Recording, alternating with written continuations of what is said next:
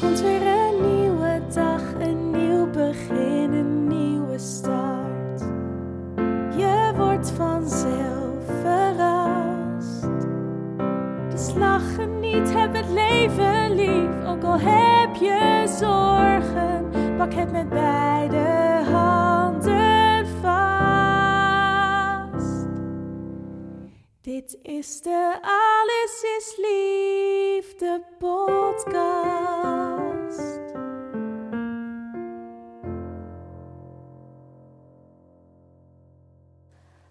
Wat leuk dat je luistert naar de Alles is Liefde podcast. De podcast over liefde, seks en relaties. Mijn naam is Rianne Roes. Ik ben relatietherapeut en eigenaar van samenalleen.com. In deze podcast ga ik in gesprek met collega's uit het vak en raken we verschillende thema's aan. Thema's die betrekking hebben op het leven, de liefde, seks, relaties, de dood en alles wat er maar bij komt kijken. Ook zal ik af en toe iets delen over mijn eigen proces. Ik wens jullie heel veel luisterplezier, veel inspiratie en ik wil jullie bij deze alvast bedanken voor het luisteren en hopelijk tot een volgende keer. Dit is de Alles is Liefde podcast.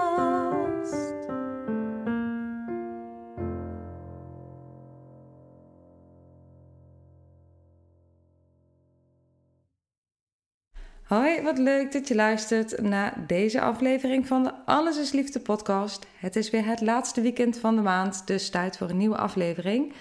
Vandaag een interview met Karen Wagenaar en we gaan het hebben over de Emotionally Focused Therapy. Dat is een um, partnerrelatietherapie, een zienswijze die uh, heel veel raakvlakken heeft met de, met de hechting. En um, wat dat precies is, hoe het werkt, hoe je uh, vanuit je eigen achtergrond meer inzicht kan krijgen in hoe jij in je partnerrelatie functioneert. Daarover gaan we het vandaag hebben.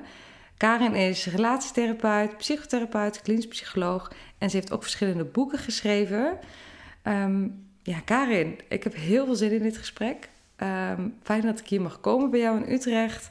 En zoals altijd, bij iedereen begin ik met mijn allereerste beginvraag. En die luidt: Waar denk jij aan als ik zeg liefde? Liefde, ja, dat vind ik een heel mooi begrip. Het is een heel groot begrip ook. Als ik denk aan liefde, dan denk ik eigenlijk altijd aan uh, warmte, aan verbinding, aan nabijheid, intimiteit. Ja. Seksualiteit hoort daar natuurlijk ook bij. Maar er zijn heel veel verschillende soorten liefde. Ik heb, uh, ik heb een man die is een taalkundige. En we hebben natuurlijk heel vaak over allerlei woorden hebben wij dan discussie. En zeiden ja, maar liefde, dat, er zijn allerlei soorten liefde. Je hebt de agape en je hebt de, uh, de uh, nou, de naam ben ik nu even kwijt. Maar er zijn de, de, de broederlijke liefde, zou ik maar zeggen. De vriendschappelijke liefde. Maar ook de gepassioneerde liefde. En de liefde van uh, ouders en kinderen. Maar voor mij gaat het eigenlijk voornamelijk over verbinding. Ja. ja. En dat je jezelf kan zijn. Ja, verbinding. Dat je gezien voelt. En dat je, dat je je gewaardeerd voelt. Dat je kan bloeien. Ja. Ja. ja. Dat je kan ontwikkelen. Dat je kan groeien. Dat je eigenlijk... Dat je in de ogen van die ene persoon echt een bijzonder iemand bent. Ja, En dat, dat ik de ander ook echt bijzonder vind. Dus anders dan alle andere mensen. ja. Ja. Als Dat is enige- natuurlijk de romantische liefde ja, dan, hè? ja, precies. Ja. Die partnerrelatie of die partnerliefde waarin je eigenlijk die ene unieke persoon bent die Ja. in Maar goed, als je kijkt naar je kinderen, je vindt je eigen kinderen natuurlijk ook heel bijzonder. Ja, Eh, dus die zijn ook bijzonderder dan andere kinderen meestal, Ja, hè? In je ja. eigen gevoel. En dat is wel goed ook, want je hebt, hebt natuurlijk zoveel investering nodig om van een baby een groot mens eh, te maken. Ik bedoel, als we daar niet iets heel bijzonders aan zouden toedichten, dan zou je die investering bijna niet eens kunnen doen. nee, het is natuurlijk zo groot en zoveel. ja, precies. Ja. Dan zou het eigenlijk zo uit verhouding zijn dat je Ja. misschien wel opgeeft. Of dat je op Ja. een gegeven moment denkt, ja, laat maar, want het, het lukt me niet. Ja. Ja, In de opleiding eh, laat ik ook altijd een, eh, een, een foto zien van een moeder en een baby die echt helemaal zo op elkaar gericht zijn.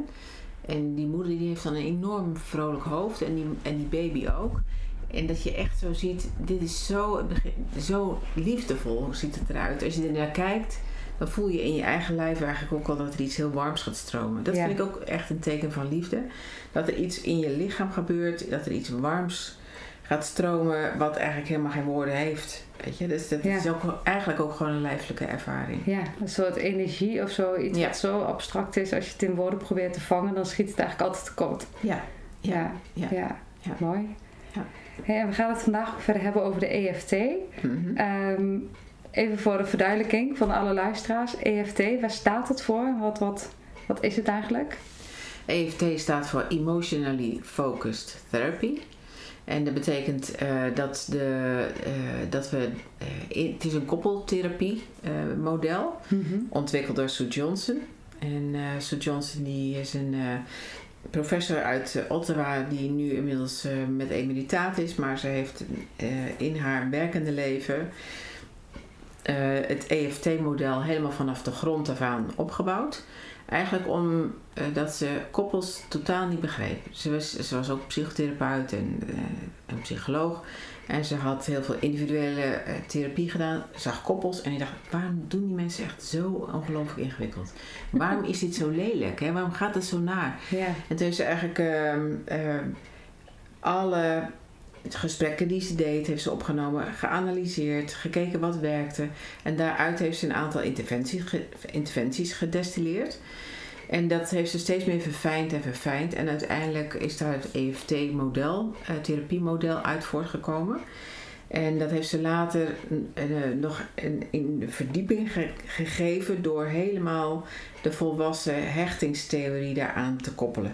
En dat is eigenlijk in de jaren tachtig gebeurd. Dus ze, heeft, ze is daar al veel langer mee bezig. Maar vanaf de jaren tachtig, toen al die ontwikkelingen kwamen in de volwassen romantische eh, hechting, ja, kwamen daar allemaal zulke inzichten uit dat wat we dachten dat alleen maar tussen ouders en kinderen gebeurde, eigenlijk precies dezelfde processen ook gebeurden tussen twee volwassen mensen. En toen begon het ineens het, het veld toch wel te schuiven. eh, en werden allerlei dingen die aanvankelijk raar gedrag leken, ineens ontzettend verklaarbaar. ja. Dus als iemand bang is dat een ander je verlaat, ja, dan komt er natuurlijk paniek. Net als een baby of een kind paniekerig wordt als de moeder ineens uit beeld is. En die gaat ook schreeuwen en herrie maken en die wil de Mhm. moeder nabij hebben. Dat doen partners eigenlijk ook. ja. Dus al die fases waar kinderen doorheen lopen in, de, in het protesteren tegen de verlating, al die, die gedragingen zie je ook bij volwassen eh, partners. Dat is heel interessant en Ja. eh, daarmee is mijn vak totaal interessant, veel interessanter geworden, veel meer begrijpelijk geworden. Ik heb het gevoel dat ik echt nu met die EFT veel beter snap wat mensen drijft en wat mensen nodig hebben en hoe ik daar moet komen om het uiteindelijk beter te maken. Dus ik had haar gezien in 2001 en toen dacht ik echt, nou, dit is echt zoiets fantastisch. Ik was net een beetje op het punt in mijn systeemtherapie dat ik dacht, ja, ik, vind, ik heb het allemaal een beetje gezien. Ik vind het een beetje oppervlakkig. Ik vind het zo theoretisch worden allemaal. En toen ehm, ging ik met mijn man en de drie kinderen, die toen 7, 5 en 3 waren, gingen we een jaar naar Amerika. Mhm. Op sabbatical, eigenlijk voor hem. Ehm, en toen ontmoette ik op een congres Sue Johnson. En toen was ik echt helemaal begeest. Ja, Weet je, ja. echt toing. Alsof je het licht had gezien. Echt, ik had het licht gezien. Ik was zo geëmotioneerd. Ik dacht, nou, deze mevrouw begrijpt het echt. En ik ben al haar boeken gaan kopen en ik ben alles gaan lezen. En ik, toen zei mijn man, ja, misschien moet je dan toch echt gewoon een keer bij haar gaan trainen. Want als je het nou wil leren, ga er dan heen. Mhm. Toen dacht ik, ja, dat moet ik dan eigenlijk maar doen. Dus toen Ja. ben ik naar Ottawa gegaan en heb ik daar haar training gevolgd. En toen ben ik eigenlijk altijd in contact gebleven met haar. Supervisie bij haar gehad online en steeds Ja. daar naartoe. En nou ja, goed, toen werd ik de eerste gecertificeerde therapeut in Nederland. En toen de eerste supervisor en toen de eerste trainer in Europa. Dus toen zei ze, nou, this is, uh, here's a, um, um, a task for you. You need to... En ik dacht echt, nou, dat is wel heel erg groot, weet Je je moet. EFT uitrollen in Europa. Ja, dus dat vond ik wel een beetje een grote taak eh, die, eh, die ze zomaar ineens bij mij bedacht had. Maar nou, ik dacht, laat mij eerst nog maar Nederland doen. Ik, eh, ik, ja, ik moet toch gewoon uren maken, vliegenuren maken en deze nieuwe methodiek. En wat heeft deze methode zo wat, wat, wat de gewone systeemtherapie of wat, hè, wat, wat maakt het zo uniek. Wat maakte dat jij bijna door... Ja, Ik moest er echt ontzettend van huilen. Echt. ja. Het was echt zo emotioneel. Ja, wat het heeft is dat het, het, is, het klopt. Eh, alles, ik bedoel, het is niet zomaar een bedachte theorie eh, uit een hoofd, maar het is helemaal gemaakt vanuit bouwstenen vanuit de praktijk. Dus alles wat zij zegt, dan denk je, oh, oké, nee, dat klopt wel. Weet je, dus als je het boek leest, eh, wat ze geschreven heeft voor therapeuten, en dan lijkt het heel erg simpel, maar het zit gewoon helemaal goed in elkaar. En het gaat over emoties. Ik was eigenlijk het vlees en bloed kwijt in ons vak. Dus Mhm. Ik dacht, het gaat steeds over systemen en het gaat over constructies en het gaat over patronen en, Ja.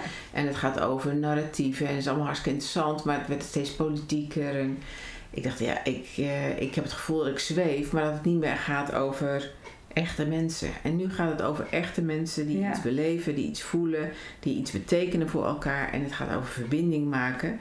En dat is waar mensen eigenlijk allemaal naar op zoek zijn. ja. Dus Ja. ik, ik, ik dacht, nou, eh, ja, en het, en het raakt. Want je bent op een andere manier met mensen aan het werk. Dus je, je, je richt je natuurlijk toch veel meer op onderliggende gev- gevoelens van verlangens en pijn en behoeften, angsten. Maar dan op een eh, hele validerende manier. Het is, helemaal geen pathologiserende, eh, het is geen etikettenplakkerij. Geen diagnosestelling. Geen- nee. nee. En heel erg vanuit het valideren, iemand doet wat hij doet met een reden. En dat heeft ooit een begin gehad. Alleen dat is vanzelf in een soort van. Ja, het is een soort zelfbescherming die een harnas geworden is. Een soort van ja, grote dikke jas die je eigenlijk aantrekt. Omdat je van binnen eigenlijk kwetsbaar en pijnlijk voelt. Of iets, iets pijnlijks voelt. En je durft dat niet uit te spreken naar de ander. En zo denk je dat je jezelf beschermt. Maar het nadeel is dat het dan ook een gevangenis wordt. Dus Ja. je raakt heel erg alleen. Dus je raakt contact met de ander kwijt, maar je raakt eigenlijk ook het contact met jezelf kwijt. Waardoor mensen depressief worden en somber en, eh, en soms gewoon verslaafd raken. Of nou, Ja. allerlei soorten Ja. klachten. Ja. Maar als je dan in de kamer met zo'n stel probeert te achterhalen, wat is nou jullie patroon geworden? Hè? Want dat is allemaal vanuit een bepaalde onveiligheid in de relatie dat je dit bent gaan, gaan ontwikkelen. En als we daar zicht op krijgen en mensen ineens zeggen: Oh, oké, nu begrijp ik het. Als jij dit zegt, dan komt het bij jou dus heel anders binnen dan zoals ik het bedoel. Ja. Ja, dan snap ik wel dat jij een beetje de deur dicht doet. Want als jij dan bang voor mij wordt, ja, dat vind ik eigenlijk heel naar om te horen. Ja. Ja. En wat we doen in de therapie is van harde emoties naar zachte emoties proberen te komen. En die naar elkaar uit te laten spreken. En verhard en zacht is van boos naar Van, verdriet of ja, zo. van irritatie Mhm. naar iets van verdriet. Of iets naar pijn. Of alleen voelen. Of onzeker zijn. Of verlangen naar verbinding. Of je verlangen naar dat iemand je eens vasthoudt. In Mhm. plaats van alleen maar zegt, ja, maar dat moet je ook anders doen. Ja. Ja, daar zitten we allemaal niet op te wachten. Hè? Nee. Ik bedoel, en mensen gaan vaak uit een soort onmacht narrig reageren. Eh, Ik had van, van, vandaag ook een paar echtparen hier. Ehm, en een, die, een- de man is eigenlijk door zijn hele geschiedenis eigenlijk ontzettend gekwetst. Heel veel trauma opgelopen. En de vrouw die eh, heeft het aanvankelijk heel goed kunnen verdragen. Maar die, die raakte steeds meer vast in de rol van ik moet altijd jou helpen. Ik moet altijd een beetje jouw therapeut zijn. En waardoor ze steeds meer tekort kwam voor zichzelf. En daar, waardoor ze steeds narriger werd. Waardoor hij het gevoel had, ik kan het ook nooit goed doen. Waardoor hij zich meer terug ging trekken. Waardoor hij nog meer klein werd. En zij dacht van, ja jeetje, daar Dan moet gaan we nog weer. meer. Ja, precies. nog meer. En op het moment dat je dat helemaal kan uitvouwen en kan laten zien hoe ze er allebei onder lijden. En ze dan zeggen, ja jeetje, maar dat hebben we het nooit bedoeld. En er zo'n enorme ontroering komt. Nou, dat Ja. is fantastisch. Ja, je, daar doe je het allemaal voor. Ja, ja, ja. Ja. En je noemt inderdaad, hè, dat heeft dan echt een parallel met hoe je oude-kindrelatie of de moeder-kindrelatie zich ontwikkelt. En hoe, eh, hoe werkt die parallel dan? Waarin vind je die terug? Nou weet je, als je kijkt naar de ontwikkeling van kinderen, jij bent zelf orthopedagoog, dus je weet dat als geen ander. Een kind hecht zich aan de ouder en, en de ouder moet zorgen voor het kind. Het kind kan allerlei dingen, ook in zijn eigen gedrag, ja, het is zo grappig, het is een wederkerigheid in, in, die, in dat hechtingsproces. Kinderen kijken leuk, kinderen gaan leuk lachen, die gaan iets zeggen, waardoor die ouder of die moeder helemaal geëmotioneerd raakt en open gaat en dan dus liefde geeft aan dat kind. En dan draait het allemaal rond. Het kind wordt gevoed door de liefde, wordt gezien en er wordt op het kind afgestemd. Dat is in feite het hele positieve ontwikkelingspatroon. Ja. Maar als een kind bijvoorbeeld een ander temperament heeft dan jij als moeder, een kind is een beetje snel overprikkeld, terwijl je zelf heel makkelijk eh, contact aan kan. Mhm. En, je, en je, je hebt niet in de, goed in de gaten dat je kind overprikkeld is. En je denkt, oh mijn kind vindt het niet leuk. En dan raak je teleurgesteld. En dan denk je ook, doet blijkbaar iets niet goed. Ja. En dan, dan ga je het kind nog een beetje, kijk eens even naar mij, kijk eens naar mama. Even nog iets eh, een beetje wild doen om te, zo, om te hopen dat hij gaat lachen. En het kind gaat huilen. Weet je, dan, dan Dat is de teleurstelling eigenlijk alleen nog. en dan wordt de teleurstelling groot van, oh jeetje, zie je, ik, ik kan niks met dit kind. Ik ben een slechte moeder. Ik weet het niet. Nou, nou doe jij het maar even hè, tegen je partner. Ik trek me even terug. Dan ontstaat er al een heel ander soort eh, patroon tussen Ja. jou en het kind. En de Ja. hechting wordt dan wordt brokkeliger en iets minder makkelijk. Als het kind veilig gehecht is aan, je- aan jou, dan kan het ook heel goed verdragen dat je soms even weg bent. Ik vind het zo mooi, zo'n voorbeeld heb ik ook in mijn boek beschreven. Je bent in de speeltuin, je gaat even iets in de, in de prullenbak gooien. Je kind is, houdt jou steeds in de gaten. En zodra je om het hoekje bent, eh, huilen. Kom je terug en is het weer goed en dan, dan is het weer eh, in orde. Maar als Ja. je niet terugkomt, dan gaat het kind enorm uit zijn dak. Die is, Ja. Dan wordt angstig, gaat ontzettend huilen. En, en als er dan geen hulp komt, als moeder niet terugkomt, dan is er daarna een periode van het opgeven en somber worden en eh, aan je lot overgelaten worden. Wat, die, wat we zagen in de kind, bij de kinderen in Roemenië. Mhm. Die, die, die kregen wel voeding, maar die kregen natuurlijk geen, Geen aandacht. liefde. Nee. Dat er dan een soort depressieve stemming, eh, dan, dan wordt kinderen gewoon opgeven. Ja. Dat zie je hetzelfde patroon bij, bij volwassen Ja. relaties. En het is dus wel mooi wat je noemt in dat voorbeeld, hè, dat het ook zo, soms zo kan zijn dat er gewoon een verschil in temperamenten is. Dus het gaat helemaal niet altijd over een mishandelende ouder Nee. of over hè, de, de, grote verhalen uit, uit het journaal wat we kennen. Maar het is echt, het zit heel subtiel. Heel subtiel. ja. En dat noemen we afstemming of attunement. En als, als je als ouder goed attuned bent op je kind en goed in de gaten houdt ja, wat het kind eigenlijk probeert te zeggen met zijn gezichtje, hè? met zijn klank of met zijn lijfje. Ja. En je, je, je bent goed afgestemd in wat hij nodig heeft, ja, dan loopt het eigenlijk heel mooi. Ja. Maar goed, uit onderzoek blijkt ook dat we maar 30% van de tijd attuned hoeven te zijn om een veilige hechting teweeg te brengen. Ja. Ja. Dus dat is allemaal niet zo heel schokkend veel. Nee. Mensen raken ook soms heel zenuwachtig van dat hele idee over hechting. Van, oh jee, als ik het dan maar goed doe. Want ik, ja, ik ben ook wel eens helemaal gereinigd. Nou, dat is helemaal niet erg. Nee. Want het gaat ook over de repair. Uiteindelijk is er een breuk in, de, in het contact. En dan herstel je dat weer. En daar leert een kind ook weer heel veel van. Ja. Oh ja, als het, als het contact even verdwijnt, dan kun, kan ik naar mama toe. En mama die pikt me op. En we kijken naar elkaar en we lachen samen. En dan is het weer oké. Ja. Dat, die hele, dat is een soort eb- en vloedbeweging Mhm. zou je kunnen zeggen. En dat is waar kinderen groot van worden. En uiteindelijk een soort van verinnerlijking van de band met die moeder. De moeder zit als het ware dan geïnternaliseerd in het kind. En het kind kan uiteindelijk als puber natuurlijk ook makkelijk gewoon dagen wegblijven. Want die weet, die moeder is het toch wel. Ja. Ik bedoel, het beeld- Ja. Als je een veilige hechting hebt, kan je dan heel veel exploreren, de, de wereld Ja. ingaan, je eigen dingen uit gaan zoeken. En ook al ben je eigenlijk hè, in die zin veilig gehecht, er zal in de partnerrelatie altijd een soort van dynamiek ontstaan waarin er toch triggers uit je verleden dan aangeraakt worden. En daarin zit dan ook de parallel. Hè? Dat, dat de manier waarop je met je ouders of met je moeder gehecht bent, dat je daarin eh, dat terugvindt in de partnerrelatie. Dus als je altijd wat vermijdend was, dat je dat in de relatie dan ook bent. Zou kunnen, maar Mhm. het hangt ook een beetje. Want, want het, de, het vermijdende is niet een trek van jou als persoon, maar is een dynamiek tussen jou en de ander. Dus het hangt een beetje van je partnerkeuze af. Dus als jij nou een hele vermijdende man hebt gevonden, dan zou het best kunnen zijn dat jij veel meer naar voren komt en eigenlijk veel meer outgoing en contactmakend wordt dan je ooit had gedacht. Ja, En dus het is in die zin ook een dynamiek tussen twee mensen eh, eh, die, die zich vormt, die fijn voelt of niet fijn voelt. Eh, maar het is niet zoiets als een blauwdruk voor je leven dat dat onveranderbaar in jou zit. Nee. En dat Nee. vind ik eigenlijk een heel prettige gedachte. Ja. Want voor, vroeger dachten we dat dat allemaal vast lag. Hè? Mhm.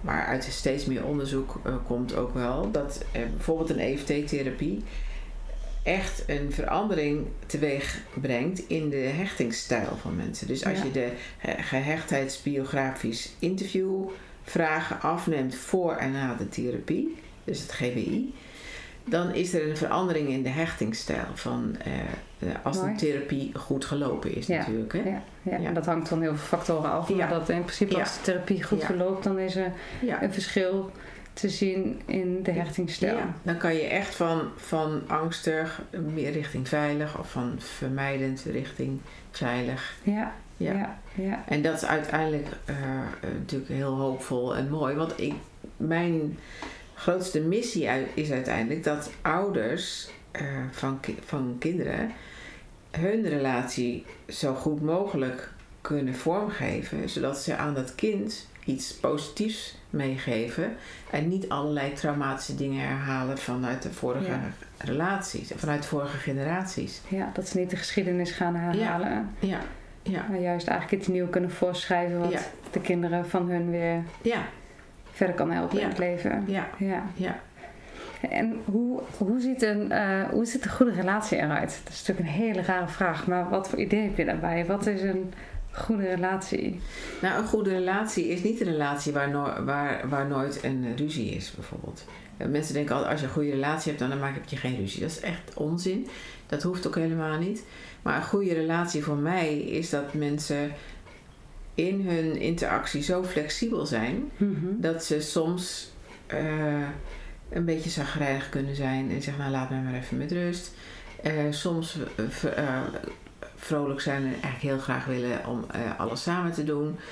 Dus dat er, dat er allerlei mogelijkheden zijn in je gedrag en dat dat niet vast ligt. Als iets verankerd raakt, als iets verstart raakt of als iets bevriest hè, in, Mhm. in de interactie, dan, dan krijg je onvrijheid. Dus als iemand het gevoel heeft in een, wat mij betreft, een, een minder fijne relatie. Iemand is altijd de klos, die moet altijd alles doen en die voelt zich altijd verantwoordelijk. En die ander die denkt, ja, hij doet toch alles, ik kan het ook allemaal niet. En Die voelt zich dus heel klein. Ja, dat voelt op een gegeven moment helemaal niet meer fijn. Dan gaat de boot scheef hangen. Ja, Ehm, en ik denk dat door de jaren heen, ik ben zelf nu 35 jaar met mijn man. En ik denk dat wij door het leven heen heel veel verschillende eh, eh, manieren van met elkaar omgaan hebben gekend. Ehm, waarin we dan de een weer eens iets sterker was en de ander iets kwetsbaarder. En dan, dan door alle live events die er gebeuren. Ja, Ehm, en dat je, dat je alles beweegt, alles is in beweging. En, je, en het fijne is ook dat je er misschien wel toch over kan praten. Ik bedoel, ik, ik weet dat er mensen Hmm. zijn die praten echt wel moeilijk vinden. Vind, eh, mensen die dat moeilijk vinden. Maar een beetje reflectie over jezelf is best wel fijn. Dus, ehm, en als je geen reflectie hebt, omdat je geen taal hebt om dingen in uit te drukken, dan heb je misschien een andere taal. Hè? De taal van het lichamelijke of eh, van. eh, ja, sommige mensen zijn heel te, in en in tevreden zonder dat ze hele diepe gesprekken voeren. ja, ja. En ik vind dat je daar ook helemaal niet een, een predicaat op moet plakken. Nou, dat is wel saai. Hè? Dat ziet er dan voor de buitenwereld saai uit. Maar mensen kunnen daar ongelooflijk blij mee zijn. ja. Je weet niet wat er Nee. voor gevoel bij komt. Wat Nee. er over en weer uitgezonden wordt Ja. zonder dat je het kunt horen. Ja, dus mijn, het belangrijkste vind ik, het is flexibel, het is Mhm. bewegelijk. Eh, het, eh, het past zich aan aan de omgeving waarin je zit, aan de levensfase waarin je zit. Ehm, en je ontwikkelt je allebei. Je Ja. staat niet stil. Nee, nee, Ja. nee. Dus het is altijd groei, altijd beweging. En Ja, ja, een relatie kan ook verschillende episodes kennen. Hè? Dat Absoluut. het transities die, die plaatsvinden, waardoor er ook weer wat verschuift. Ja. Transities zijn eigenlijk nooit pijnloos. Dus dat Nee. zal ook altijd met wat beweging gaan. ja, ja. Maar dat, eh, ja, dat Ja. Kunnen, kunnen verdragen of dat kunnen aangaan, dat maakt dat je je relatie stabiliseert of een soort fundament krijgt, waardoor het. Ja, nou wat ik merkte in de EFT, eh, eh, als mensen in behandeling komen, dat ze vaak zeggen, eh, wij zijn eigenlijk nu op een plek gekomen met z'n tweetjes in de onderlinge verhouding of in de manier waar we, waarop we dit nu samen doen, wij zijn hier nog nooit geweest. Ja, dit is zoveel hechter, dit is zoveel dieper, dit is zoveel kwetsbaarder Mhm. eigenlijk. In de zin van dat je open durft te zeggen wat je niet leuk vindt, of wat je wel leuk vindt, of wat je nodig hebt, of wat je helemaal niet nodig hebt. Maar dat je echt tot helderheid brengt wat je eigenlijk het liefste onbesproken liet. Ja, ja. Ja, omdat mensen het toch wel echt moeilijk vinden om echt een kijkje in je ziel te laten. hè? Ja. En gaat daar dan vaak een crisis aan vooraf? Merk je dat? Of is dat ook gewoon soms nog het willen herstellen van een relatie die in de sleur is geraakt? Of merk je dat het eigenlijk altijd wel gecombineerd gaat met een live event of met... ehm, Nou ja, mensen komen natuurlijk altijd hier omdat er een trigger is. Er is Mhm. altijd wel een crisis ergens. Ehm, en het hoeft niet een crisis zijn, te zijn in de zin van, nou ga ik weg. Maar ja, een crisis kan ook zijn van, ik voel me eh, helemaal leeg eigenlijk. Ik heb gewoon geen idee meer wat ik hier moet doen. Of, ehm, ik heb gewoon geen zin meer in niks. Ik, ben, ik geloof dat ik toch een beetje uitgeblust ben. Eh, vaak is, een, is het een andere soortige crisis. Dat eh, ehm, als je meer van die vechtende stellen hebt, dan is er vaak iets heel heftigs gebeurd. Van eh, iemand is vreemd gegaan, of iemand heeft zijn baan verloren en is daardoor helemaal in, in, in een soort identiteitscrisis ge- geraakt. mhm. Of er is, een, er is ook een traumatisch incident, een kind wat overlijdt. Of eh, ja, weet je, allemaal hele grote nare dingen kunnen Ja, natuurlijk ook gebeuren. Ja. Maar mensen komen altijd wel met, er is, met het water staat ze dan aan de lippen. En ik van, nu moeten we wel echt iets doen, want nu weten we het zelf gewoon niet meer. Ja. Ja. En ehm, ik vind het ook fijn als mensen niet al te laat komen. Dus Mhm. dat ze niet helemaal in crisis zijn. Aan de andere kant, als je in crisis komt, dan is er zoveel commitment. eh, alles is zo in beweging. Dat het vaak ook wel makkelijker werkt, zou je kunnen zeggen. ja, dat gevoel van we hebben eigenlijk niks meer te verliezen, dus kom maar Ja, op. Hè? ja. Van eh, we gaan Ja. nu eh, Ja, ja, vol voor de winst of eh, Ja. anders dan vol Ja. onderuit. ja. Ja. Want het, eigenlijk vind ik het moeilijkste als mensen zeggen: ja, we zijn nu 30 jaar bij elkaar. We hebben. Zo langzamerhand is het kaarsje een beetje uitgegaan. Ja, uitgedoofd. Ja. Ja, en we weten niet meer zo goed waar we de liefde vandaan moeten halen. En we weten eigenlijk, ik weet eigenlijk ook niet meer heel goed wat liefde eigenlijk is. En ik voel het ook niet meer. Dat is best wel een, een taaie klus. Maar goed, eh, dan moet je gewoon langzamer en minder, eh, minder, minder snel Mhm. werken. Want weet je, mensen die langzaam zo versteend zijn geraakt, moet je eigenlijk ook langzaam. moet je ook langzaam een beetje ja, ontdooien. Ja, Ja. ja. Ja, En ik las in je boek: Het signaal van je partner is belangrijk voor je en je geeft dat voorrang. Dat eh, schrijf je in je boek over als hè, vanuit de EFT geschreven. En ik was er ook, want ik zet daar eigenlijk ook meteen een andere vraag bij: in welke mate en mag je iets doen wat voor jou goed voelt, ook al raakt dat jouw partner op een, op een misschien niet zo prettige manier? En hoe, hoe verhouden die twee zich tot elkaar? Ja, weet je, ik denk dat als je een stevige basis hebt, dan doe je natuurlijk altijd dingen die een ander niet leuk vindt. Dat is onvermijdelijk. Ik eh, ik heb heel veel.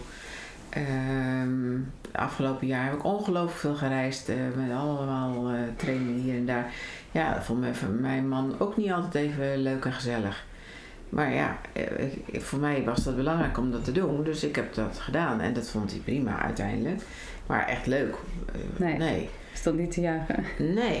Ehm, maar als hij eh, zou hebben gezegd: ik, ik, ik heb iets onder de leden. Ik vind het echt heel belangrijk dat je niet weggaat. Ik wil dat je met mij meegaat naar het ziekenhuis, want ik ben gewoon bang.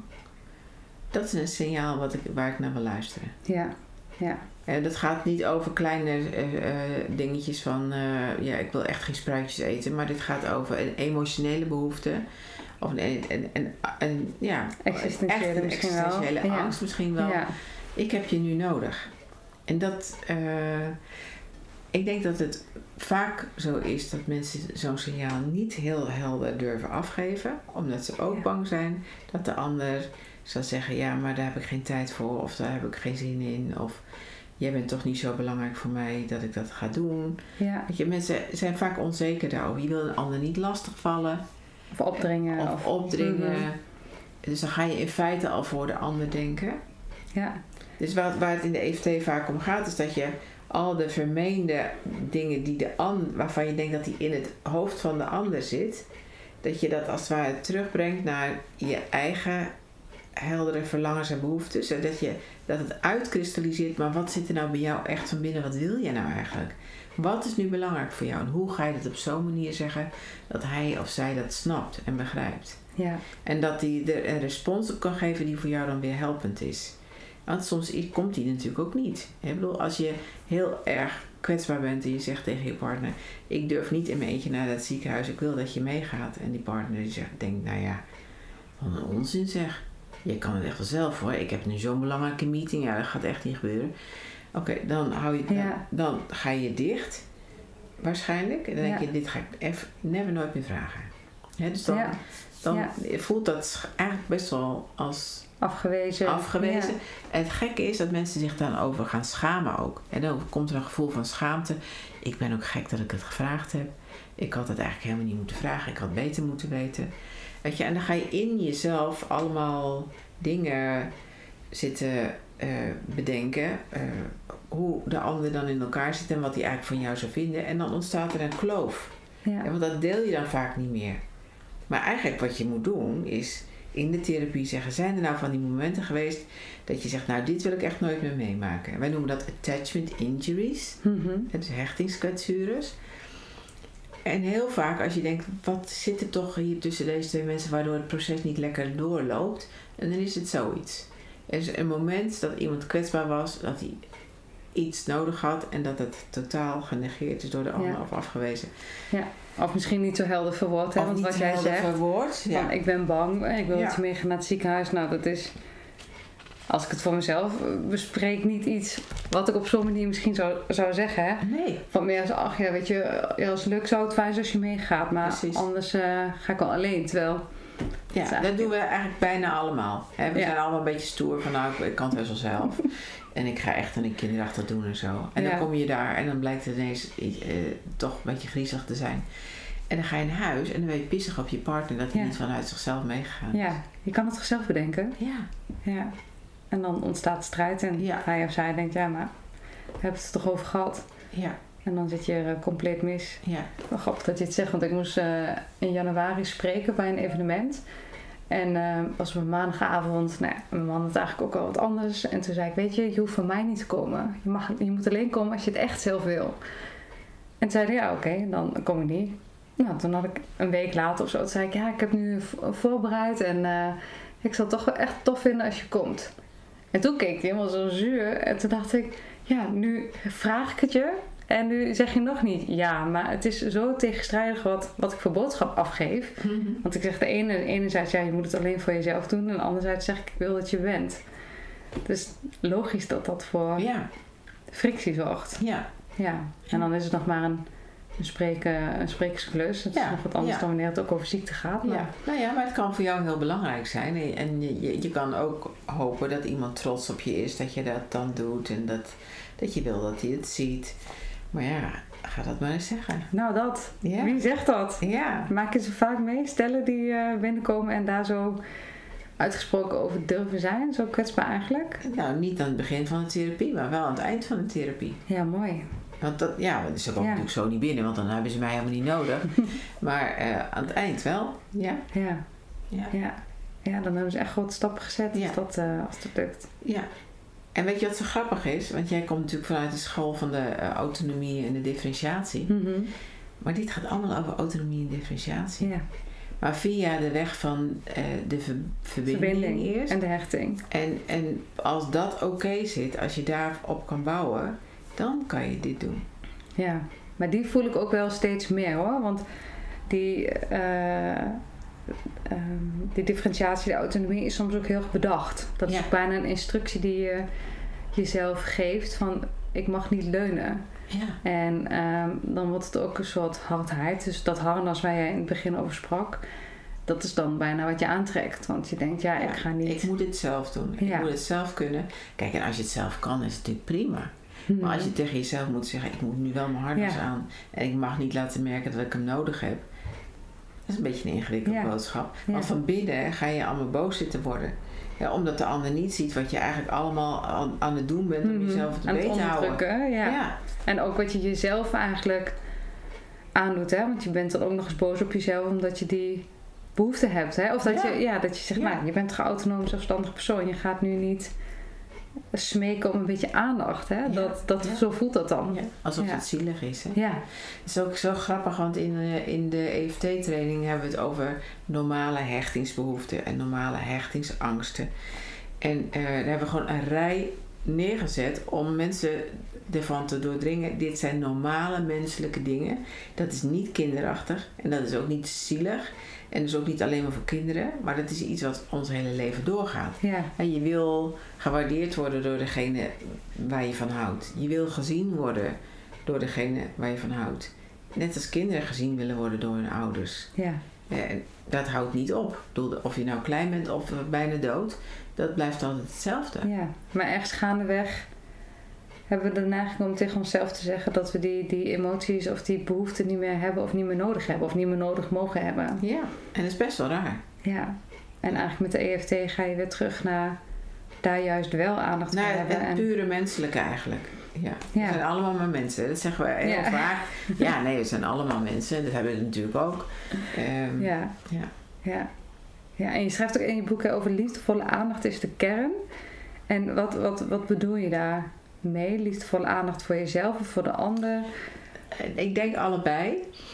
Want als jij alleen maar liefdevolle aandacht aan de ander geeft en je gaat jezelf uitputten, omdat je denkt, nou ik moet het allemaal wel geven, maar er komt nooit, je gaat jezelf niet ehm, eh, ook iets geven, ja, dan, dan hol je jezelf natuurlijk uit. Mhm. Dus, maar liefdevolle aandacht, daarmee bedoel ik eh, dat je de tijd neemt om te luisteren naar wat iemand te vertellen heeft. Als je voelt dat het belangrijk is, dat je iemand aankijkt eh, als die praat. Dat vind ik hele kleine, Ja. maar echt hele belangrijke dingen Ja, eigenlijk. waar je echt al bij stilstaat. Ja, ja, dat je tussen de regels door leert lezen. Hè? Dus dat als iemand een bepaalde toon heeft, dat jij inmiddels weet, na zoveel jaar, oh, dat klinkt nu een beetje moe. En dat je dan aanvoelt, het gaat over moeheid. En dus ik zeg, van, ben je, ben je moe of zo? Of, eh, Mhm. En niet van, nou, oh ja, wat, wat, klinkt het weer vervelend. Maar ja, je weet dat gewoon. Iemand, de, de, manier waarop iemand de deur binnenkomt, hoe die de sleutels in de hoek gooit, hoe die zijn, eh, de, de, de deur van de gang open of dicht doet. Je weet precies, dit is oké of niet oké. ja, ja, En eh, dan kan je je daar een beetje op afstemmen. En Ja. Als je van iemand houdt, dan, doe je dat, dan hoeft, dan kost dat totaal geen moeite. Maar als je in een strijd bent terechtgekomen, dan komt alles in die strijd terecht. En dan kan je die liefdevolle aandacht ook niet meer geven. nee, Want dan vind je het alleen maar irritant. ja. En is het soms ook misschien, wordt het gelezen als een actie gericht tegen jou of zo, hè? Ja. Je gooit extra Ja. met die sleutels omdat, hè? Dat, ja, ja. alles wordt geïnterpreteerd als een poging om jou een te hak te zetten. Ja, Ja. dan krijg je echt een soort koken Ja. visie. Ja, ja. Ja. En als we dan vanuit die hardheid weer naar de zachtheid proberen te komen in die gesprekken, dan doe ik dat ook heel bewust met het vertragen in het gesprek. Hè? Niet Mhm. het verdragen, maar het vertragen. Ja. Dus langzamer gaan. En ook eens even stil blijven staan bij, bij zo'n moment van oké, dan kom je binnen. En je hoort hem dan die sleutels zo. Hij komt binnen en jij bent in de kamer. Je hoort die sleutels zo hard op de grond. En wat gaat er dan door je heen? En wat gebeurt er in jouw lichaam op dat moment? Want we zijn ons vaak helemaal niet bewust van wat er lichamelijk eigenlijk allemaal gebeurt. Nee. Maar je, meestal is het zo dat je al een stressreactie krijgt. Ja. Oké, en wat is dan eigenlijk waar je bang voor bent? Ik ben eigenlijk bang dat hij binnenkomt en dat hij dan boos kijkt en dan, dat ik dan weer ook gelijk zo hard word. Oké, maar wat, de, wat, hoe voelt dat dan eigenlijk? Ja, het voelt eigenlijk heel erg verkrampt en onvrij. En wat zou je dan eigenlijk willen doen? Nou, mijn neiging is om dan gelijk naar de keuken te lopen en het niet te willen zien. Want ik ben ook bang dat als ik hem aankijk, dat we gelijk al in een clinch terechtkomen. Mhm. Mhm. Dus door zo'n moment Helemaal, helemaal uit, uit te pellen en helemaal uit te, eh, te werken, dan komen mensen erachter dat er al zoveel kleine triggers geweest zijn die hebben gemaakt dat je een actie doet. Hè? Ja. Of dan ziet hij, als hij binnenkomt, dat jij direct naar de keuken gaat, Hoe voelt het dan voor jou als je binnenkomt? En je vrouw gaat gelijk naar de, naar de Mhm. keuken. Ja, vond ik wel een beetje raar. Ik voelde me helemaal niet welkom. Oké, en niet welkom, hoe voelt het dan? Ja, dat voelt dus, ik heb heel de dag hard gewerkt. Ik wil gewoon dat ze even ziet dat ik het heel zwaar heb gehad. Het gaat helemaal niet om haar, maar ik ben moe. Ja. Ik vind haar niet stom, maar ik ben moe. Ik wil eigenlijk, wat wil je dan eigenlijk? Ja, dat ze me even vasthoudt. Oké, wist je dat? Nee, dat wist ik eigenlijk helemaal niet. Nee. Weet je, dus dan ja. van die Je kleine het momenten. helemaal uit. Ja, rafel je helemaal uit. Dan gaat het heel vaak over, ik heb behoefte aan iets, maar ik kan de, ik kan de woorden niet vinden. Ik durf, ik durf het niet eens te zeggen van, kan je me even vasthouden, want ik heb zo'n Ja. rotdag gehad. Ja. Nou, hoe makkelijk zou het zijn als iemand dat zou zeggen, toch? ja, als we dat allemaal zouden doen. Ja. Maar we leven misschien soms ook wel in zo'n dynamiek waarin je dan denkt, ja, als je het echt om me geeft, dan zie je het wel. Dat ik Ja, het nodig en heb. dat, is, en dat is echt zo'n algemeen ver, eh, verbrei- eh, het, wijdverbreid misverstand. Ja, Want we kunnen natuurlijk helemaal niet gedachten lezen. We kunnen wel iets aanvoelen, maar je weet natuurlijk nooit precies wat er in die ander speelt en wat die ander precies nodig heeft. nee, Dat weet je niet. nee, nee. En dat dan checken bij elkaar. Maar dat, dat klinkt wel makkelijker gezegd dan gedaan. Want je bent misschien ook heel snel, misschien een beetje zo koude watervrees, dat je je teen even in het Ja, in het water stopt en een soort van voorzetje maakt naar iets kwetsbaars en het wordt niet ontvangen. Dat je eigenlijk ook snel denkt, ja laat maar, want ja, ja. ik ga me hier in mijn eentje ook niet aan wagen. Nee, precies. En als je daar nou een gesprek over zou kunnen hebben op een ander moment. Mhm. Ik zei dat toen en ik had, vond het eigenlijk best wel vervelend dat je daar niet op reageerde. Ik voelde me er eigenlijk heel erg alleen bij. Hè, dat is niet aanvallend. Dat is eigenlijk Nee. alleen maar helder over wat er in jou gebeurt. Ik, ik, ik schaamde me bij dat ik het gevraagd had. want Ik voelde me er eigenlijk zo alleen mee. Als je het op die manier zegt, dan 9 van de 10 keer krijg je een goede respons. Want de andere zegt, oh, nou, dat wist ik helemaal niet. Nee, Wat lullig. Dat, Ja. dat heb ik zo helemaal niet bedoeld. ja, ja. En dan zit het ook heel geen timing, hè. Wanneer kom je er dan op terug? Ja, Op het moment dat je je eigenlijk al zo kwetsbaar voelt of juist op het moment dat je ja, weer een nieuwe taal hebt, nieuwe energie om te kunnen reflecteren op datgene wat eigenlijk gebeurd is op dat moment. Ja. ja. Ja. Ja. En als er mensen zijn die nu naar de podcast luistert, hoe kun je voor jezelf nagaan hoe je hechting verlopen is? Is dat iets wat je voor jezelf aan een aantal ankerpunten kan checken? Of, ja, want het gaat natuurlijk best veel over hechting. Ik merk in de podcast in de verschillende opnames die ik heb, dat het thema toch ook steeds wel terugkomt. Oké. Ehm, is er iets wat je voor jezelf na kan gaan? Ja, nou in mijn boek heb ik een, eh, een vragenlijst opgenomen Mhm. waarin je, eh, ik, geloof- ik weet, eh, 35 vragen zijn het geloof ik, ik weet niet uit mijn hoofd. Die kan je invullen en dan kan je zien wat jouw meest dominante hechtingsstijl is in de relatie die je dan nu hebt. Hè? Ehm, Dat is ook een belangrijke toevoeging. dat is een belangrijke Ja. toevoeging. Want, ehm, en dan kan je, eh, op het einde moet je samen dingetjes die moet je invullen. Dan kan je dat optellen en dan komt eruit, je bent of angstig of vermijdend of veilig gehecht. En je hebt natuurlijk ook een soort eh, mengvorm wel, vermijding, angstig, vermijdend. Maar dat is een vragenlijst die staat eh, ook op mijn website. Dus je kan hem ook eh, gewoon downloaden van mijn website als je, hem, als je het boek niet eh, wil kopen. dan kan je hem Mhm. daar ook vinden. Dus dan Ja. kan je hem gewoon invullen. Het is wel leuk, want heel veel mensen die vullen hem wel in, heb ik gemerkt. En die gaan daar met z'n tweeën dan over praten. Van wat heb Oh, wat jij, leuk. wat heb Ja. jij. En soms dan komt er iets uit wat ze helemaal niet hadden verwacht. En daar heb je een, echt een leuk gesprek over met elkaar. Want het is, het is geen diagnose stellen, maar het is meer ehm, Richtinggevend. richtinggevend. Ehm, en dan, dus de mensen die, die meer ehm, angstig gehecht zijn, zijn mensen die het eigenlijk vervelend vinden om alleen te zijn of zich vaak onzeker voelen als ze alleen zijn. Omdat ze denken, ja, in contact met de ander vind ik het toch fijner en die ander die weet het misschien wel beter dan ik. Dan doe ik het toe of zo. En dan doe ik het toe, zeker. Ja, Ja, ja. Dan voel ik me gezien en gehoord. En dan, maar het gaat eigenlijk over een soort innerlijke onzekerheid. En de- dat je, als ik maar nabij die ander ben, Mhm. dan gaat het beter met mij. Ja. En de vermijdende mensen, die hebben eigenlijk veel meer moeite om in contact zichzelf te blijven. Die vinden het eigenlijk best fijn of prettig. Fi- ik weet niet of ze het fijn vinden, maar wel, het is rustiger om alleen te zijn. Want dan Mhm. heb je niet de hele tijd eh, een soort ehm, verwachting van de ander op jou. Want die verwachtingen van anderen voelt vaak als ik moet ergens aan voldoen en ik ben heel bang dat ik dat dan niet kan. En dat ze gaan angst, angstig worden om te gaan falen. Ja. Ehm, dus die, dat voelt bijna een beetje eh, te, te, als linker soep om, om dichtbij iemand te zijn. En da, dus als die in een relatie zijn die wat moeilijker wordt, dan gaan ze zich makkelijker terugtrekken. Dus op hun eentje zijn, eh, ergens op een kamertje alleen zitten, het in zichzelf uitpluizen en Mhm. niet praten. En ehm, ja, als je een partner hebt die juist meer die angstige kant heeft, die gaat dan de hele tijd aan jou vragen van... Wat is er, wat is er? Ja, wat is het, wat is Ja. En, en vertel nou, is het dit of is het dat? En dan krijg je natuurlijk die ingewikkelde dans van achtervolgen en terugtrekken. Mhm. En, eh, Ja. ja. Ja. Ja, want dat is, je zegt hè, dat angsten, je hebt dan twee soorten angst eigenlijk. Hè? Degene die eigenlijk angstig is om overspoeld te raken in, ja. in de En energie van anderen. kwijt te raken Mhm. eigenlijk. Ja. Ja, En die heeft dus de afstand nodig om zichzelf te kunnen zijn. ja, En de ander is angstig om het contact te verliezen. ja, ja, Om, eh, ja, om de ander kwijt te raken. ja.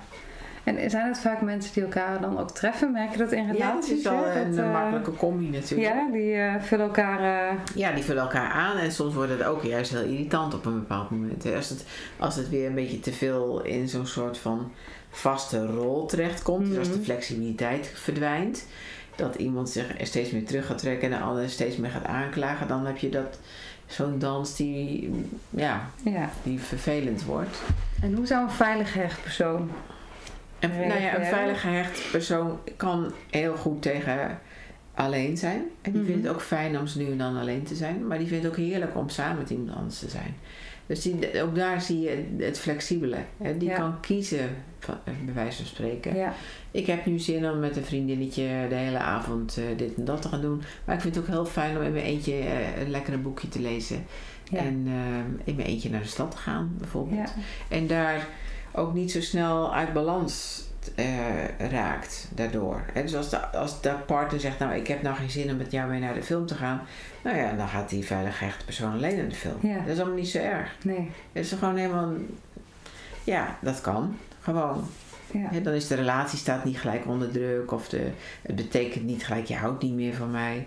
nee. Maar, maar je kan het in proportie zien. Ja. Nou ja, oké, dan niet. Ja, precies. Dus dan ben je eigenlijk gewoon ja, flexibel, zoals je het dan noemt. Hè? Dat je Ja. gewoon daarin zelf een keuze hebt en ook durft te gaan staan voor wat je eigen behoeften zijn, maar niet eh, te bang bent om daarin afgewezen te worden. Ja, Ondanks ja. dat het wel pijn kan doen als je afgewezen bent. ja. maar en dan dat kan je natuurlijk ook best verdrietig over zijn. Mhm. Het is niet Eh, het veilig rechte personen geen emoties Nee, hebben. nee, nee, nee, nee. Maar die kunnen dan ook eh, daarop terugkomen en zeggen, nou, ik vind het eigenlijk niet leuk. Ik dacht dat we een afspraak hadden om samen naar de film te gaan. En nou ga je ineens niet mee. Dat vind ik gewoon helemaal niet leuk. En dus die durft dat dan ook gewoon te zeggen. Ja, En die andere zegt, ja, ik vind het jammer dat je dat niet leuk vindt, maar ik ga toch niet mee. precies. En de Dus dit- flexibiliteit zit erin dat je uiteindelijk kan schakelen en kan zeggen, nou weet je, jij moet ook doen wat jij wil, ik ga Ja. dan naar de film. Ja, ja. Ja, En, en een veiligheid persoon zou het ook heel oké vinden om te zeggen, nou ja, als jij het heel vervelend vindt dat ik ga, dan ga ik vanavond niet.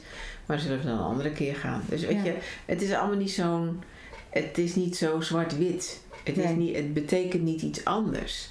Nee. wat, wat je vaak ziet in ehm, mensen die eh, onveilig gehecht zijn, dat allerlei kleine dingen een hechtingsbetekenis krijgen in de relatie. En dus dat een, ja, een kaart vergeten op de bus te doen, Mhm. betekent, ja, zie je wel, je vindt mij niet belangrijk, je vindt mij helemaal niet interessant. Het gaat allemaal veel te groot worden Ja. in het hoofd. het dopje van het tandpasta. Ja, ja bijvoorbeeld. Ja. Ja, en kan het ook zijn dat door bepaalde live events je eh, wat, wat hè, als je in basis redelijk veilig gehecht bent, maar er overlijdt iemand plotseling, dat je eigenlijk weer dat je eigenlijk het gedrag laat zien van een, van een vermijdend of een angstig gehechte persoon.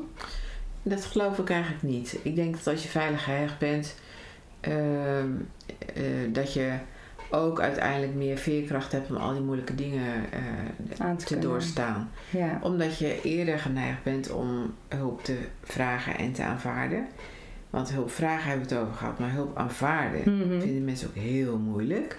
Dus kan je, kan je, het, kan je het verdragen als iemand jou iets aanbiedt. Ja. Eh, Mag dat van jezelf? Ja. Kan je dat verdragen? Dat iemand zegt, ik wil gewoon nu even jou, eh, dit voor jou doen. Nou, ik ken niet veel mensen die dat echt heel makkelijk kunnen hoor. Nee, nee. Maar een veiligheid iemand, het hele leven is natuurlijk vol met hobbels op de weg en ellende en trauma's en weet ik veel wat. We zitten midden in de COVID en we zitten midden in de Black Lives Matter toestanden. Eh, dus eh, er gebeurt altijd van alles. Ehm, dus dat kunnen we nooit voorkomen. Maar een veilig gehecht iemand, dus als iemand een goede basis meegekregen heeft, dan kan hij daar zonder kleren scheuren doorheen komen. En natuurlijk doet het pijn. En natuurlijk ben je verdrietig. En natuurlijk moet je rouwen om mensen die dood zijn. Maar eh, daar kom je dan alweer doorheen. Ja, Dus de ja. veerkracht is gewoon meer aanwezig. En je kan eh, iets vragen Ja. en ontvangen. Ja, ja, Ja. mooi. Wat ik ook mooi vond in jouw boek was dat je zo'n hoofdstuk schreef over verliefd zijn.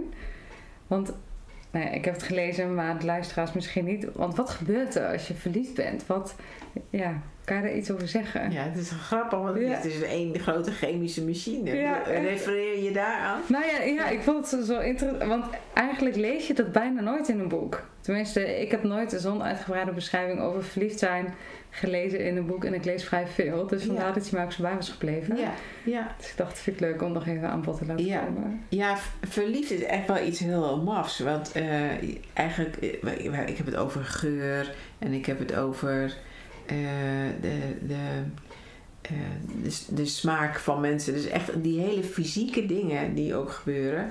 Als je verliefd bent, ben je als helemaal verslaafd aan die persoon. Je, er zitten allerlei stofjes in je brein eh, die maken dat je totaal obsessief alleen maar op die ene persoon gericht bent bijvoorbeeld. En je, Ja. je ziet alleen maar die ene persoon en je ziet alleen maar de leuke kanten van die persoon. Dus de, dat zijn hele, ja, de gelukshormonen zijn dan Mhm. aan, de dopamine en de serotonine. en al- drugsvet. ja, het is ook een drug. Het is gewoon drugs. Weet je? Ja. Eh, dus ja, het, het- je hele systeem staat obsessief gericht op die ander. Mensen die verliefd zijn, kijken ook ongelooflijk lang in elkaars ogen. En, en daarna doe je dat nooit meer. Nee. Ja, met een baby, maar dat is ook een soort van Ja. verliefdheid. Hè? Ja, precies. Dus door de, in de ogen te kijken, komen ook al die stoffen in je brein, eh, die gaan allemaal weer eh, aan. En tegelijkertijd doet dat iets met je, met je gevoel in je hart en eh, in je ademhaling. En je bent helemaal synchroon, lichamelijk vaak ook synchroon met de ander. Je bent totally attuned. Ja. Dus de, de hartslag wordt hetzelfde, de, de ademhaling wordt hetzelfde, de manier waarop je je benen om, op... Het is toch bizar eigenlijk Ja, dat het het bestaat. Het is echt, maar het is echt heel mooi eigenlijk, want het gaat over een totale spiegeling. Ja. Ja, dus je kijkt eigenlijk in de spiegel naar jezelf. En in de ogen van de ander zie je ook jezelf weer spiegeld. En dat is ook zo mooi, want dat, eigenlijk gaat het over, je wil gezien worden. Ja. Hè? En als de, als de ander jou het gevoel geeft, ik zie jou helemaal en ik vind jou helemaal fantastisch. Alles aan jou is fantastisch. Alles is leuk aan jou. Zelfs je vette haren vandaan. Ja. dan, ja, dan denk je echt, jeetje. Dan Ja. smelt je toch van binnen. Ja. Net Ja. zo goed als je naar je baby kijkt die, die net geboren is. Dan denk je echt, jeetje. Ja. Ik, ik weet nog zo dat ik moest kijken naar al mijn kinderen. Weet je, dat koppie, die, die, ah, die moet je leren kennen. En die Ja. de hele tijd maar, Dat je gewoon continu kan blijven kijken. de hele tijd blijven kijken. Ja. Ja. En wie of wat bepaalt of je verliefd op iemand wordt? Ik heb geen idee. Dat is Wat- ook een, een soort toeval. Maar tegelijkertijd is het ook. Weet je, vroeger waren er helemaal niet zulke grote gebieden waar we mensen in konden vinden. Nu kan je aan de andere kant van de wereld iemand vinden, bij wijze van spreken. En dan werd je ook verliefd op iemand. Hè? Ja. Dus het is een, de timing is, ik denk, belangrijk. Nou ja, ik, ik, volgens mij heb ik in mijn boek geschreven dat eh, hoe het bij mij ging, dat ik helemaal in eh, open was door een, eh, het verbreken van de, mijn relatie met mijn vorige vriendje. En ik helemaal open en emotioneel in de disco stond. En daar mijn huidige man trof, die ontzettend aardig en lief en heel betrokken en echt heel mij zag. Ja. Eh, Die iets van jou kon zien wat anderen misschien... ja, en ik was toen Ja. helemaal, mijn hart stond sowieso helemaal open met verdriet. En Ja. dus op dat moment was er was iets gebeurd waardoor ik eigenlijk helemaal open stond. Ja, en dan, dan ben je denk ik ook zelf veel meer geneigd om, om je te openen naar te open, te open te stellen, ja. ja. En in mijn boek heb ik ook zo'n mooi experiment eh, beschreven. de- dat als je mensen in een gevaarlijke een beetje spannende gevaarlijke situatie brengt. Ja. Dus er moet een enge brug over. En dan eh, eh, aan de andere kant van de brug staat er iemand en die vangt je dan op. En die zegt, nou hoe was het? Ja, nou ja, fantastisch. Ja, En dus dat- eigenlijk is dat dan ook, heel je systeem staat open. ja, En dat is het, het moment dat het aan elkaar eh, ja, Klikt. klikt. ja. Ja. ja, bijzonder hè? Ja. Want weet je, verliefdheid komt soms ook gewoon ongelegen. Hè? Ja. Want je, ik, ik zie vaak ook koppels en, en ik heb het idee, het is zo mooi dat je nu zegt met, met het je zo openstellen. Ik zie op dit moment heel veel koppels in mijn praktijk tussen de 30 en de 40 die eigenlijk net met jonge kinderen zitten in een soort transitiefase van hun leven. En bijna iedereen komt met een vraag. Ja, ik ben verliefd op iemand anders. Of eh, ik twijfel over mijn relatie, want ik heb met iemand anders geappt. En nou er zijn allerlei variaties op dat thema Mhm. te bedenken, maar ze gaan eigenlijk bijna allemaal daarover. Ja, ja. En dan is het toch ook interessant om te, om te onderzoeken waarom nu? Ja, waarom nu?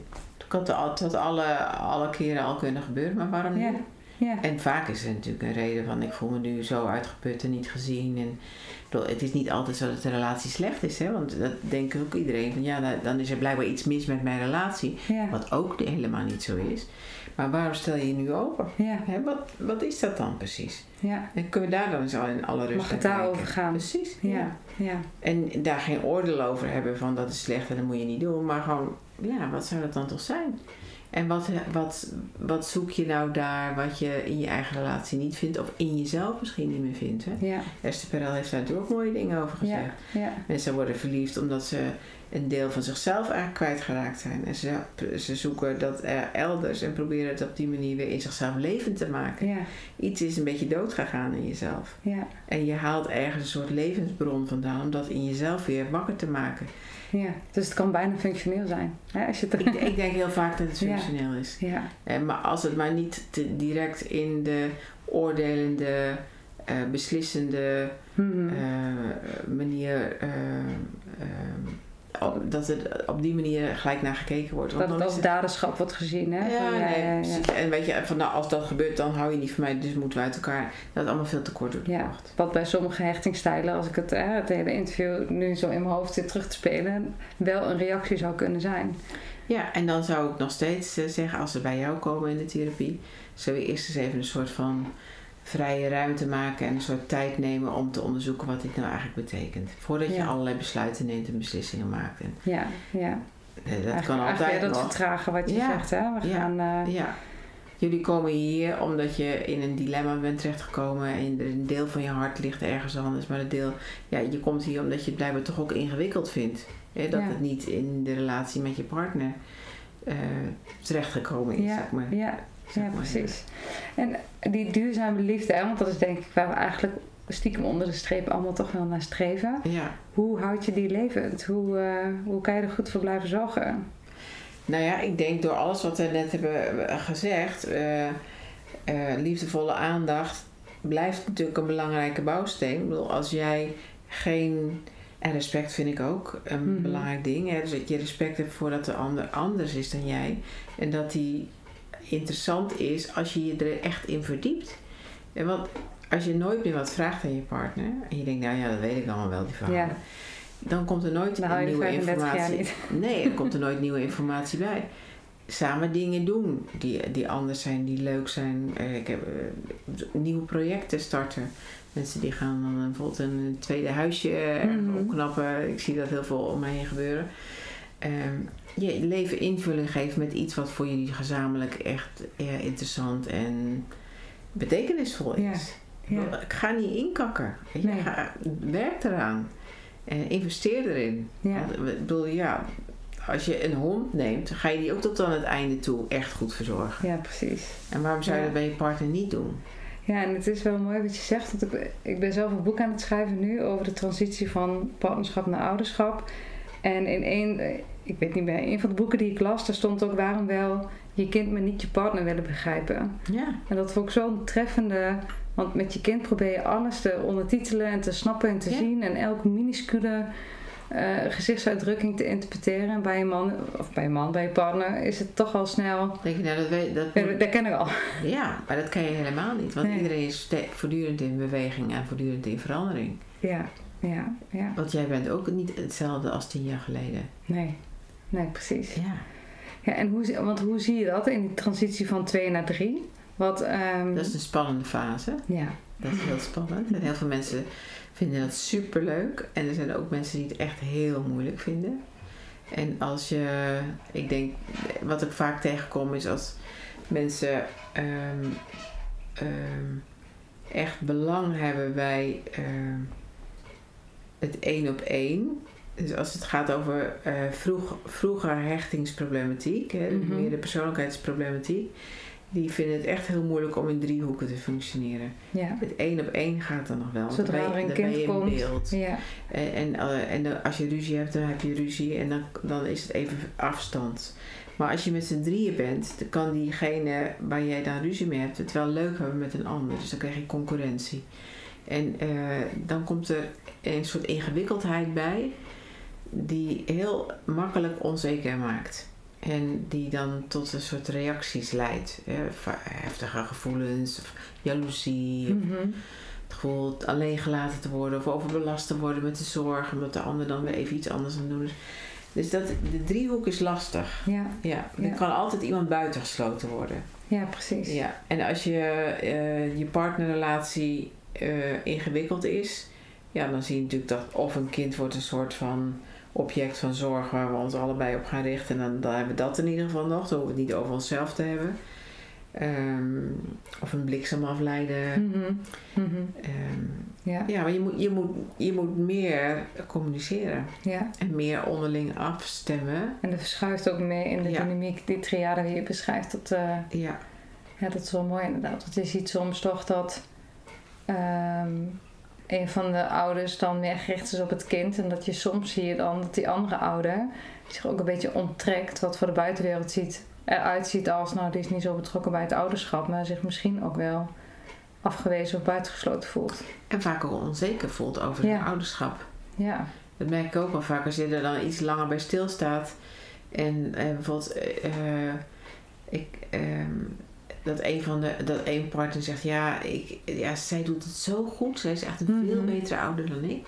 Eh, ik voel me er eigenlijk een beetje onzeker over. Dus, nou ja, dat, dus dat avondritueel, dat doet zij dan altijd. Dat, dat doet ze veel beter dan ik.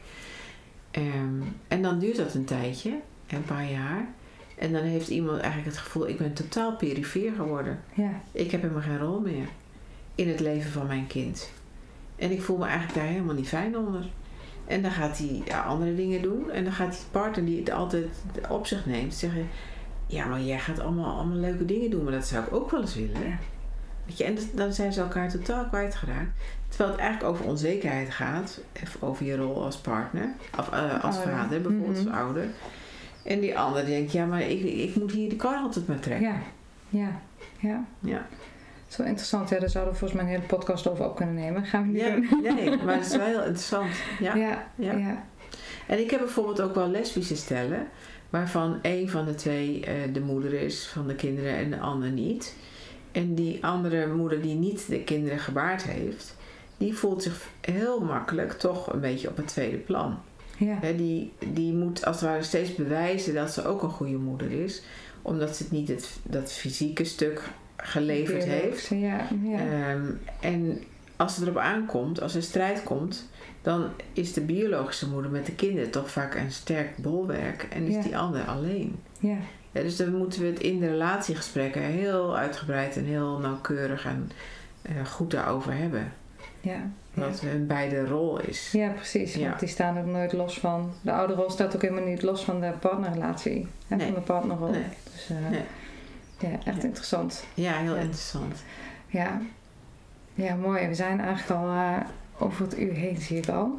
Ehm, dus we gaan afronden. Ik vond het wel mooi wat je nog zei over hoe houd je de liefde levend om...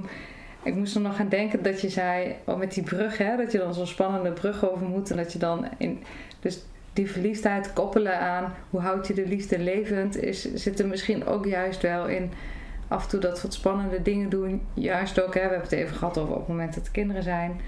Maar dan toch ook die ruimte voor jezelf als partners pakken. Ja, en daarin eh, vernieuwing zoeken. Zeker. En je hebt de aandacht voor elkaar is echt belangrijk. Het is niet een sluitpost. Nee. Eh, Nee. En dat wordt het in een bepaalde fase heel makkelijk wel. En dat is logisch. Maar mensen daardoor heen helpen en zeggen... Weet je, er komt echt een andere tijd. Hou even Mhm. vol. Over twee jaar denk je er heel anders over. Maar hou elkaar in de gaten. Hou elkaar vast. Ga eens even uit eten. Ga eens naar de film. Ga, eh, eh, zorg dat je even naar de sauna kan. Of Ja. weet ik veel. Ja. Maar doe iets wat fijn is voor jullie samen. Ja. En ga dan niet de hele tijd naar Of huis bellen. Dan gaat het wel goed. Ja. Ja, ja. Hey, mooi Karin. Dankjewel. We gaan afronden. Ik wil je heel erg bedanken voor je tijd, voor al je kennis. En eh, ja, het was heel bijzonder. Dankjewel. Nou, heel leuk om te doen. Fijn, dank succes. Dank je.